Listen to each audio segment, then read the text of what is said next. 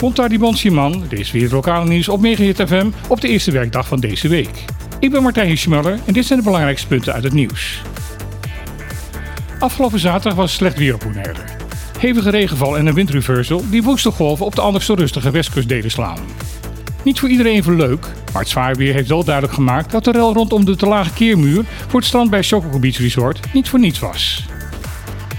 Deze muur moet namelijk bij dit soort weer ervoor zorgen dat de zand van het daar aangelegde kunstmatige strand niet in zee terechtkomt. Het zand is namelijk erg gevaarlijk voor het koraal. Foto's op de site van Bonaire.nu maken duidelijk dat de muur met de huidige hoogte zijn taak niet vervult. Er is daarbij te zien dat langs de gehele lengte van de Chococo-strand er veel zand aan de verkeerde kant van de muur ligt en daardoor in zee is gespoeld.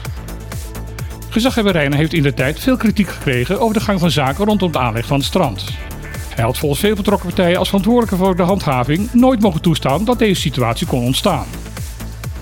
De hamvraag is wat het OLB en de gezaghebber gaan doen, nu de huidige situatie bij Chococo Beach inderdaad een rechtstreeks gevaar voor de natuur van Bonaire op lijkt te leveren. Staatssecretaris Maarten van Ooyen van Volksgezondheid, Welzijn en Sport blijft weigeren de vier fractievoorzitters van de Bonaireaanse Eilandraad te ontvangen.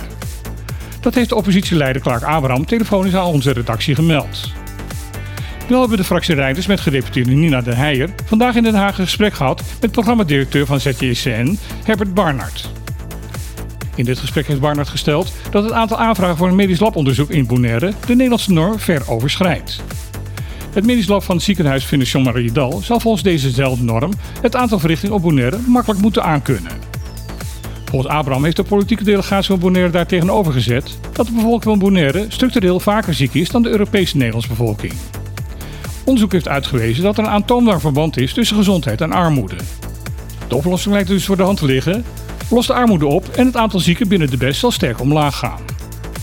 Abraham wijst erop in zijn reactie dat de ministeries van Volksgezondheid en Sociale Zaken hierin moeten gaan samenwerken. Het aantal toeristen dat Bonaire op dit moment bezoekt blijft de aantallen van voor de COVID-crisis overstijgen. In oktober bezochten 14.303 toeristen Bonaire voor langer dan één dag. Dat is 70% meer dan het aantal toeristen in oktober 2019. Dat jaar was voor de COVID-crisis een recordjaar wat betreft het aantal bezoekers. Momenteel komt 50% van de bezoekers uit Europees Nederland, 20% komt uit Noord-Amerika. De verblijfsduur is al jaren hetzelfde. De Nederlandse toerist blijft gemiddeld twee weken, de Amerikaanse één week. Iedereen die werkzaam is binnen de toeristindustrie weet daarbij dat de Amerikaanse toerist tijdens dat kortere verblijf vaak meer uitgeeft op het eiland dan de Nederlandse bezoeker. Saba en Sint Eustatius krijgen een eigen Engelstalige docentenopleiding. Een zogenaamde Memorandum of Understanding is daarvoor de afgelopen vrijdag getekend. De daarbij betrokken partijen zijn OCW Caribisch Gebied, de University of Sint Maarten en de University of the Virgin Islands.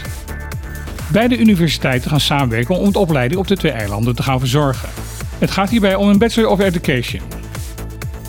Gedachte erachter is dat voor een samenleving waar de voertaal en de schoolinstructietaal Engels is, ook de opleiding van docenten gericht moet zijn op de Engelse taal. Daarbij is het groot voordeel dat de opleiding gegeven gaat worden door instituten die kennis hebben van de specifieke Caribische omstandigheden. Als onderdeel van de opleiding zal daarom ook extra aandacht gegeven gaan worden aan de cultuur en geschiedenis van de twee eilanden. Dit was weer het lokale nieuws van vandaag op Megahit FM. Ik wens u nog een hele mooie dag en graag tot morgen.